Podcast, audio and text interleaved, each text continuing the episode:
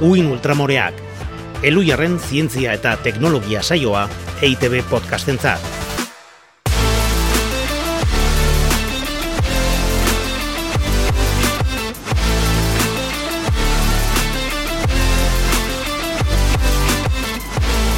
Kaixo, alaitzotxoa deribe agirre. Kaixo, ana galarra gaiestaran. Eta kaixo entzule maiteok, topera gatoz. Bai, edo zeinek esango luke, ana, edari energetiko hietako bat hartuta etorri dela. Baizea, badakizu nolakoa naizen, animatuta egoteko ez dute zer behar, nahikoa zuen konpainia eta mikroaren adrenalina. Bai, gabe ere, nik uste zure etxean horrela ibilte zehala, e, motivatuta. Bueno, kafia laguntzen du, eh? Bai, bai, bueno, kafiak beti laguntzen du. Eta gai hon batek ere bai, ezta? Gaurkoan, kriston gaia daukagu, opioide sintetikoen krisia. Ezagun egingo zaizue fentaniloa Amerikatko estatu batuetan eta Kanadan eragiten ari den ondamendia.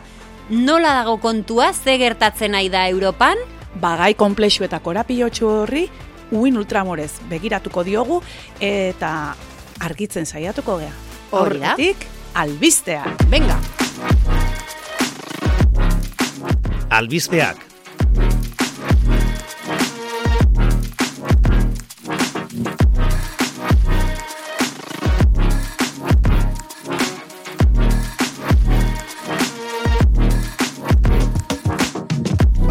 Eta hemen doa lehen albistea, sateliteen gorakadari eusteko beharra zoartarazi dute. Aspaldian gau argi batean zerura begiratu eta argilara arraro bat ikusi baduzue, e, satelite, Trenak, bai, trena deitzen trenak dute, bai. Lasai, esateran joan, edariak ez dizue kalterik egin, behar bada edan duzue, baina ez zarete hai, doble, triple edo lau aldiz ikusten argi berdina eta omniak ere ez dira, lasai. Litekeena da Starlink izatea Elon Musken satelite konstelazioa.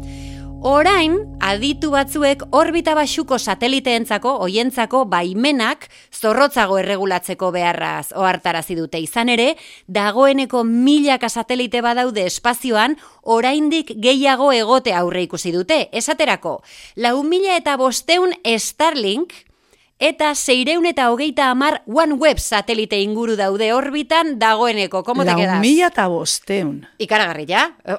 Ikusteko moukuak izango ja, ba, hainbeste eonda, ezta? Eta gainera dirudienez hori hasiera besterik ez da. Izan ere, telekomunikazioen nazioarteko batasunean irrati frekuentziak erabiltzeko jasotzen ari diren eskaerek erakutsi dute, kopurua izugarri handitu daitekeela urrengo urteetan. Eta horrek, ba, hainbat arazo eragin litzake, ikerketa astronomikoak oztopatzea, orbitan talkak gertatzeko arrisku handitzea, orbitan ondakinak sortzea, eta areago aditueko hartarazi dute eta komilak irekitzen ditut, espazio orbitala baliabide mugagabe gisa tratatuz, segurtasun eta jasangarritasun erronka handiak sortzen ari dela gizateria, kerida. Ba, zeruaren kapitalismoa, ez da? Kapitalizazioa oneria da, eta hemen nik jartzen ditut, nahi ditudan kotxazuak Bai, bai, bai, bai, diten hori da, neria da, eta nahi dete naitet. Earki gatxin. Bueno, ba, pixka bat konpentsatzeko edo, hemen daukat Nafarroako Unibertsitateko ikerketa bat. A ber, Lindanoz kutsatutako lurretatik kutsadura ezabatzen duen konposatu bat sortu dute. Lindano eh? aztertzan ana, gogorarazi dezakegu? Bai, hori izan gai bat erabiltzen zela garai batean asko konturatu gabe zeudelako, ba, benetan gero lurroiek gelditzen zirela pozoituta. Bertako industrian pila bat, ez da? Bai, bai, bai. Bueno, zarautzen bertan ere badaude kutsatutako lurrak, eta oso oso zaila da hori ezabatzia edo hori tratatzea. Baina zuk soluzio bat topatu duzu. Bueno, nik, ez, Nafarroako Unibertsitateko ikertzaiek. Eta gainera esaten dute merkea dela eta ekonomia zirkularrean oinarrituta dagoela. Hau da, beste prozesu batzuetan gelditzen diren ondakinetatik abiatzen direla, lingandano hau kentzeko substantzia hori egiteko. Eta honena da, nunbait, ba, zuzenean bota daitekela kutsatutako lurrera. Ez da orain arte bezala, ba, isolatu behar edo atera behar hortik kutsatutako lurra Ja. eta ura berariaz tratatu. Lindanoaren eundeko larogeita hamar baino gehiago kentzen du, eta hau dana marabillosu ematen bali madu ere, are hobea izan daiteke, eta horregatik ikertzen jarraituko dute, beraz, ez Aha. da merkatura iritsi oraindik, ez ja kartera prestatzen, ez da? ba, nahi dute e, lurra eta substantzia honen arteko nahasketa hori hobea izatea eta horretarako oraindik ba lan pixkat egin behar dute, baina bide honean doaz. Bueno, bide honean doaz, baina zerbait aurreratu dute, ezta? E, eta zerbait ikasiko zenuen, ezta, Ana? Aste pare hauetan? Ah, klaro, baina hori urrengo atalean kontatuko dizut. Egunero ikasten da zerbait.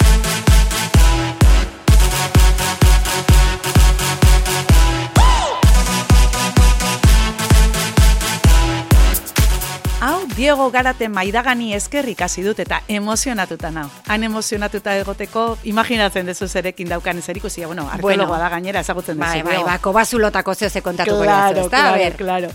Atxurra kobazuloko ikerketa bada, horri bi dira ikertzen eta aztertuta ikusi dute grabatuak egin zituzten artistek eszenografia osoa eta ikuslea kontuan hartu zituztela antzoki batean egiten den bezala. Ara, grabatuak oso ezagunak dira, lendikan ezagutzen dira, eta bueno, pasada dira. Eta oraingo honetan jarri dira pentsatzen, bale, egin dituzte, eta dano dakigu aprobetsatzen dituztela gainera, ba, volumenak, eta Bai. hormak berak dauzkan irtengune eta Bai. sakonuniak eta emateko bizitasuna, eta horrela, ondo ikusteko baina. eta argiztapenak suak alegia egiten ditu nitzalak, ezta? Bai, Animazio itxura, bezala. Hori da, hori da. Hori, orain arte, ja, e, ikertuta zeukaten, eta, bueno, eta ja, hori bera bakarri ja da pasada bat. Ba, bale, ba, orain jarri dira pentsatzen. Eta hau dana, ez zuten egingo, momentu amarrazen aizian bitartian. Ikusteko, ez? Hau ikusleentzat egin zuten. Eta ikusliek non egin, nen, non zeuden. Aha, Orduan, alderantz izan, aurrena pentsatzen duten jendiak nundik begiratuko du, nun egingo deu guk hori ikusi ala izateko, eta gero nola argiztatuko dute haientzat, ez beak margotzeko aizik eta ikuslearen ze polita. Eta hori guztia, ba, modelizazioak eginda eta e, probak egin dituzte, gainera egin dituzte, zuk ezagutzen dezu, ez? Kobazulo esperimental bat. Ah, bai, bai, bai, nik erketa talde honekin egon nintzen, reportaje bat egiten, hain zuzen, kobazuloen argiztapenai buruz, ze argiztapen mota antortxa dala, lanpara dala, su, beko sua dala, ze erabiltzen zuten kasu bakoitzean, ez da? Hori da, ba, teknopolizen dago, okerazko Bai. nago, hortxe e, bilaketa eginda aterako zaize, ba, bueno, kobazulo esperimental horretan probatu dute eta frogatu dute hori guztia planifikatu egiten zutela, ba, gero ikusi ahal izateko bere edertasun guztian. Duela amalau mila urte. Beitu, hor, e, egia da oraindikan ez dagoela frogatuta zergatik edo zertarako, ezta? Zea ikuspegi utilitarista horretan zertarako egiten zituzten margoiek eta nei gustatzen zait pentsatzea, zertako, ezertako, osea, entretenimentua zeba ez, ezta? Gu antzerkira juten gehan bezala. Ba, juten geha, hoixe. pentsatuz gero ondorio sakonak aterako ditut, bizitza aldatuko dit, ez. Ba. Ez. Ba, gero trago batzuk hartzeko aitzakiare badalako, topo iten deulako ezagutzen dugun jendiakin, ez da? Eta evidentziarik ez dago baina, nei gustatzen zait pentsatzea antzerkia, ba, gizakia bezain e, zarra dala, ana. Ba, duela amalau mila urte behintzat, estenografiak egiten, ederkiz egiten. Ikusten alduzu, zenbat gauza ikasten ditugun lanean. Bai, lanean, bueno, eta lanetik kanpo, ez? Zenik hau beste lanean ikasi, atal honetarako ekarri dudana, bularreko minbiziaren nazioarteko egunaren arira ikasi dut hau, edabideetan entzun da. Bularreko minbiziaren bizirape, biziraupen tasa, diagnostikatu eta bost urteetara, badakizu zen batekoa den? Euneko laurogeita amabi koma zazpikoa, ni harritu egin nintzen, eh? Pila bada, Bai, eh, jo. pila bada, Ba, pila bat da, gainera, kontuan hartzen badugu, zenbat boleto dauzkagun emakumeok bizitzan zehar bularreko minbizia izateko. Orduan, ba, biziraupen tasa hori benetan posteko datua iruditu zait. Datu hori, azterketak egiten diren adintartean hartu dute, hau da, berrogeita hamar eta irurogeita bederatzi urte bitartean dituzten emakumeetan, eta hori ikusita, ba, ikertzaileek esan dute jarraitu behar dela prebentzioan, diagnostikoan, tratamenduetan eta bizikalitatean hobetzen, baina datu itxaropentsua dela, kontuan hartzen badegu gainera, ebaluazio hori bea egiten duten bakoitzean gora egiten duela biziraupen tasak. Jo, bueno, ondo, ondo, eh? Atalanetan Albiste gauza onak. ematen ari Bai, bai. Ba, bukaerarako utzi dugu gainera onena. Eider karton birto entzule finak eta zientzia zale zorrotzak. Hombre. Isa bidez, keider. Isa bidez atalonetarako ba, kontatu diguna. Ala, bai, izan ere, saxifraga longifoliaren berri eman digu argazki eta guztietan. Nik eider esan behar dut, e, bueno, ja. nik sasibraga ulertu nuela hasiera, sasibraga nere buruan da, tanga? tanga, bat da, tanga bat da, baina e, ez zidan koinziditzen argazkiarekin, izan ere, ar, esan dugun bezala, argazki eta guzti jarri zigun informazio hori. Bai, eta batzuk gainera seguru ikusi dutela Pirineoetan hor da landare bat e, borobila, ez dauka zurtoinik, a- arroken artean egoten da, laua da, baina dazka osto mamitxu hola potolotxo xamarrak eta luxeskak, zentrotik danakola txukun txukun ordenatuta ateratzen dira, hola roseta baten modura, Bai. eta egia esan arreta ematen du, eh, Oso, polita oso da. deskribapen akuratua egiten ari zara. bueno, nik ez nuen ezagutzen landare hori, eiderrek ordesan aurkitu omen zuen, Puente de los Navarrosen inguruan, eta Iñaki Sanzazkueri erakutsi zion argazkia, Iñakik aldez aurretik elkarbanatua zuelako ba, e, landare honi saxifraga longifoliari buruzko e, txio bat. E, beak Iñakik bai zion, baietz, elore landare hori zela, barkatu, eta ala jakintzuen eiderrek, Pirinioak saxifraga longifoliaren babesleku izan zirela kuaternarioan, eta oraindik ere inguru haiek dituztela bizileku. Urtetan bizi dira, modu ikusgarrian loratzen dira, eta hil egiten dira hori dana kontatu digu. Eiderrek, e, bueno, Iñakiren bidez ere bai. Hemen e, denok elkarlanean ari gara jakintza berriak eta politak sortzen, ezta? Ba, zoragarri, mesedez jarraitu horrela, guri kontatzen dakizuen guztia, edo ezagutzen dezuena, edo ondokoa kontatu dizuena, eta guk hemen partekatuko dugu. Nola, nola kontatuko digute? Bueno, ba, sare sozialetan, eiderrek egin duen bezala, e, uin ultramoreak abildua eluiar.eus elbidera idatzita, edo... edo Kalean edo kontatuta ez da. kalean- E, aizu barkatu zu hartzea. Kalean topatuta, bai, bai, horrek ere balio du. Ordun, aldez aurretik eskerrik asko orain pentsatzen ari zaren horri. Ah, banik badakat, zerbait Hori, interesgarria. Hausartu kontatzera, seguru interesgarria dela. Hori da, eskerrik asko. Eta hola xeia konturatu gabe, iritsi gara, gain nagusira. Jon! Uin ultramoreen begirada.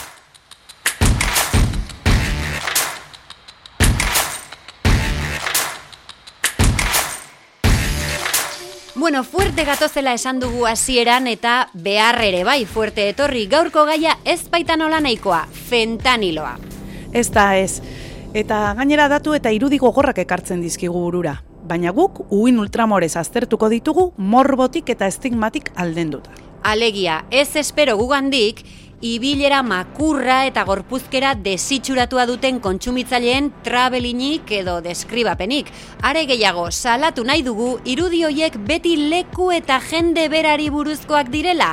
Arazoa haiena bakarrik balitz bezala, baina gaindosien kasuek erakusten dute, klase sozial, sexu, adin, etnia eta bizileku guztietako pertsonei eragiten diela.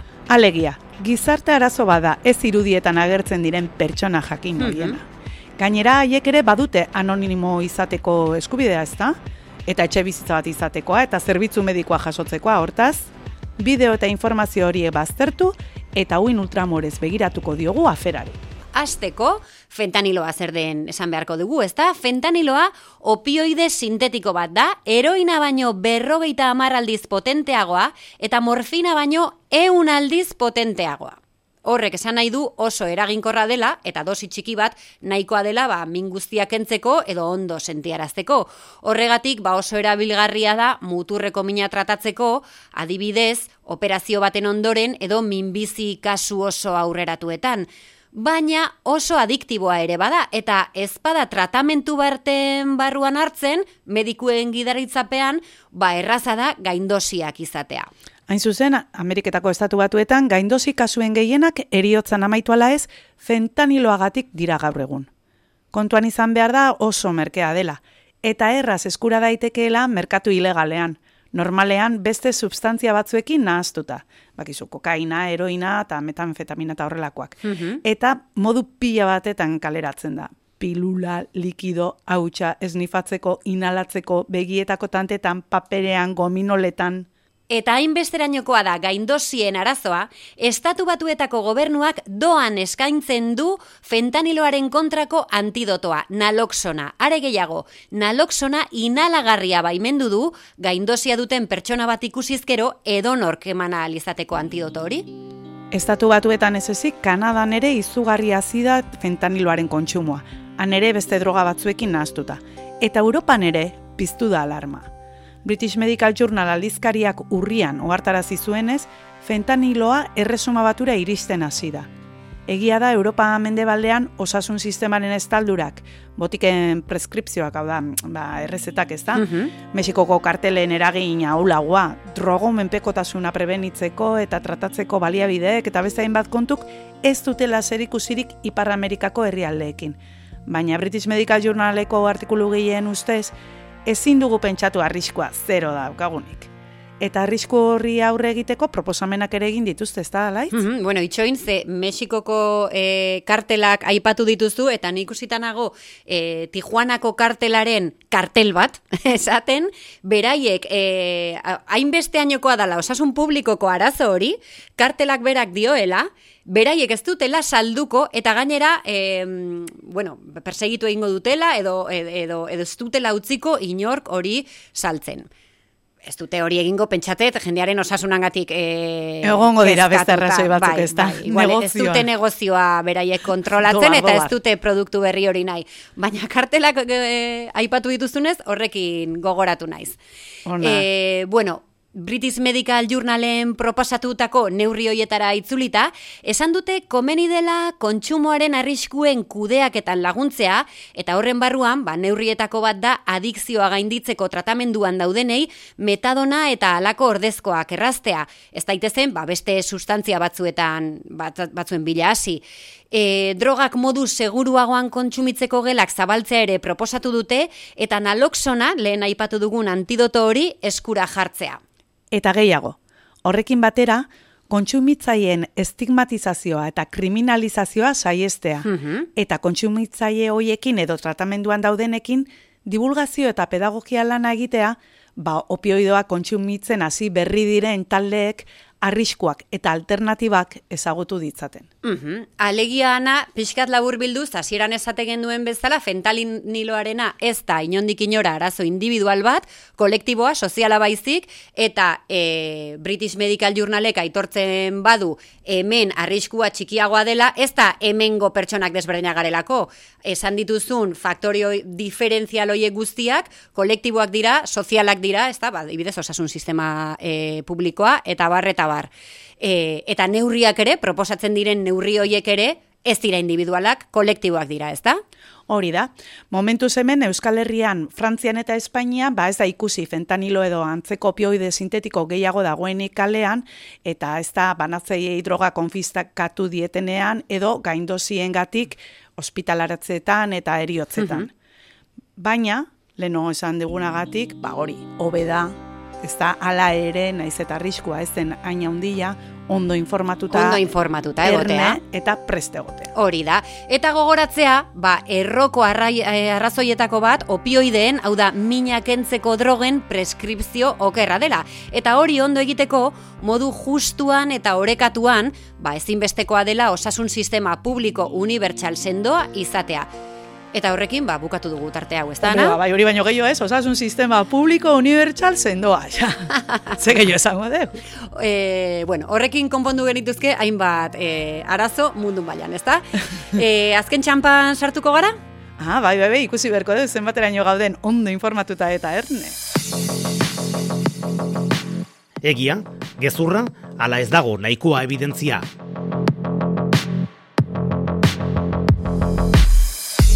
Entzun ondalaitz. A ber. Afrikako animalia basatiak gehiago izutzen dira giza hotxa entzunda lehoiaren horroarekin baino. Eta lehoia da, dano dakigu pelikuletatik eta, uh Ba, Oianeko erregea. E, oixe, oixe. E, ba, fijo baietz. Eta gainera... E, Gehiago bildurtzen direla, egia dela, gurekin. Hombre, et, eta umeekin bazoa zoianera, umeek egiten duten zalapartarekin, bueno, nik, nik umeekin joaten naizela mendira, inoiz ez animali bat ikusi. denak izutzen dira, hori egia izango da, ez, gizakia da, ez da, e, animalia hoien predatzaile ba, bai. iztari... Oso ondo, oso ondo, ondo zabiltza. Eta inbaditzailea, ez bakarrik iztaria, bai. baizik eta bere, bere tokia inbaditzen dugu. Bai, eta egin dute ikerketa, ba, ibai baten ertzera edatera joaten diren animaliak aztertuta, ba, hor, hor danak, eh, zebrak, baina baita e, aragi jaleak ere. Mhm. Eta jartzen zieten alde batetik e, pertsonak iza pertsonen ahotsak eta beste batzutan lehoien horroa eta ikusten zuten nola erreakzionatzen zuten.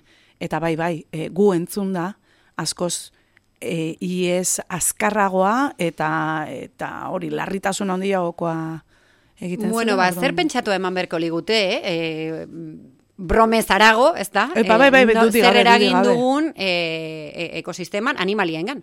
Hori da. Bueno, beste afirmazio bat ekarri nik. Salbu espen bakan batzuetan izan ezik, gizonek ez dute osteoporosirik izaten, zeustezu? Ba, hori egia da. Ez? Ez dutela izaten, ez guk izate dugu, ez da, emakumeok eta batez ere menopausiaren ondoren. Hori da, hori da. Bueno, ba, jakintzazu, e, gizonek izaten dutela osteoporosia euneko hogei Ah, amarretik bi, hori, Ama, bai, ja salbu espena baino gehiago da. Bai, bai, bai. Amarretik bi gizonek izaten dute osteoporosia, hortaz, ez da salbu espen bat, ez da emakumen kontu bat bakarrik, ja. ez da? Be, jakinaren gainean baleude, behar bada hobeto babestuko lukete bere, bere osasuna. Ba, bai. Gainera, e, jakinarazi dute, e, bueno, emakumeetan bai da menopausiaren ondoren gehien gertatzen zaigun gauza bat, ezta? Baina gizon gaztek emakumeek baino arrisku handiagoa dute ezurrak puskatzeko osteoporosia duten gizon gazteek, eh? Esan nahi. Aha. Zeiruitzen. Ba, hau jakin behar dala. Bueno. Eh, ba, ez, ez dakit, nik, nik ez nekin, orduan ez etuzte oso jakina danik, eta konbeni da, ez, eh? Ez, zuk ez pazenekin etzan jakina. ez, gauza hauek arreta ematen didatelako. Bai, bai, bai, eta horregatik kontatzen ditugu, hemen uin ultramoretan. Hori da. Ba, begira, hau ere zabalduta dago, eta horrekin lotuta dago baita, eh? Menopausian izaten den estrogeno geitxierak, uh dakar sexu desira apaltzea. Alegia, sexu desira apaltzea, estrogeno jetxiragatik da. Ah, amiga, menopausian sexu de xira apaltzen dela, bai, seguramente nahiko evidentzia dago. E, estrogenoen gatik dela, ba, seguramente, bai, ala izango da, neurtuko zuten, ez da, gauza neurgarria da, baina, bueno, beste faktore batzuk ere egon daitezke hor, ez da, zuk, zuk menopausia duzunean, zure bikote heteroseksual bat baldin badaukazu, parean daukazun horrek ere, zenbat urte dazka, ze itxura dauka, ze zen noraino zauden pertsona horrekin, eta seguramente nazka-nazka eginda zaude, eta sexu desira paldu zaizu, ba ez estrogenoen gatik, precisamente. Antonioren gatik.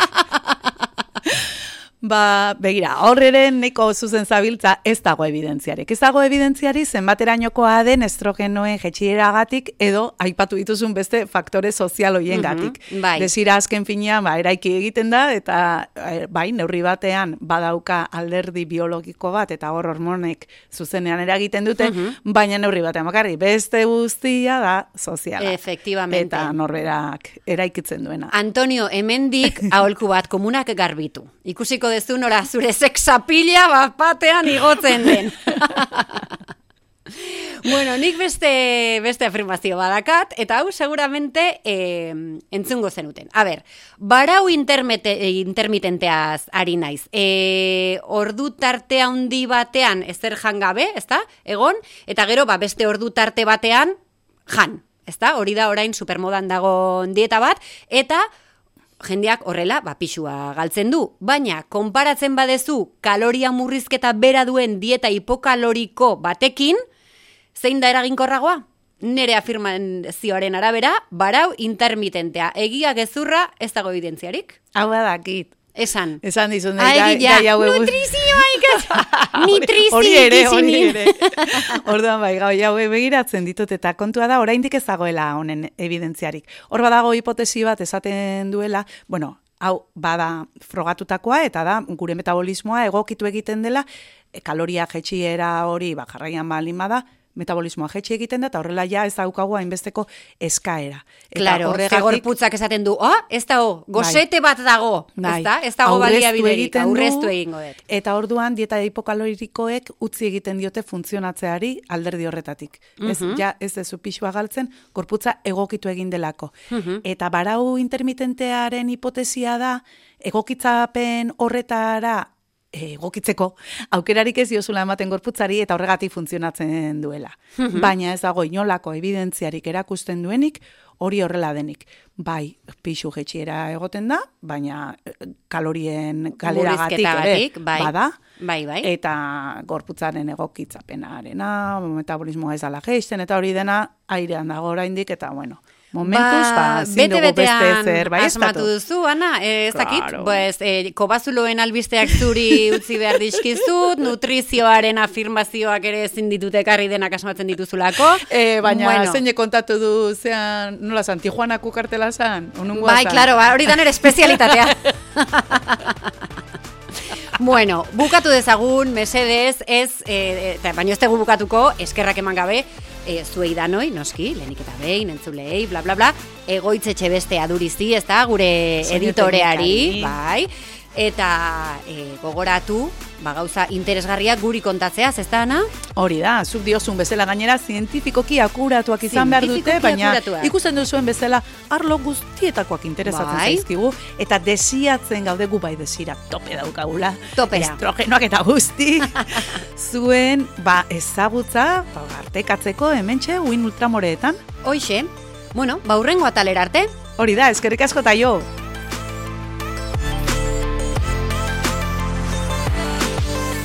Uin Ultramoreak podcastaren atal guztiak EITB podcast atarian topatuko dituzu. Eluiaren zientzia.eus webgunean eta ohiko audio plataformetan.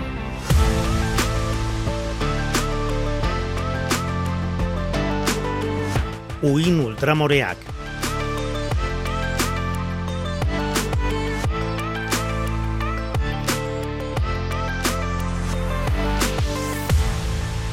Probatu dute eta frogatu dute. zergatik edo zertarako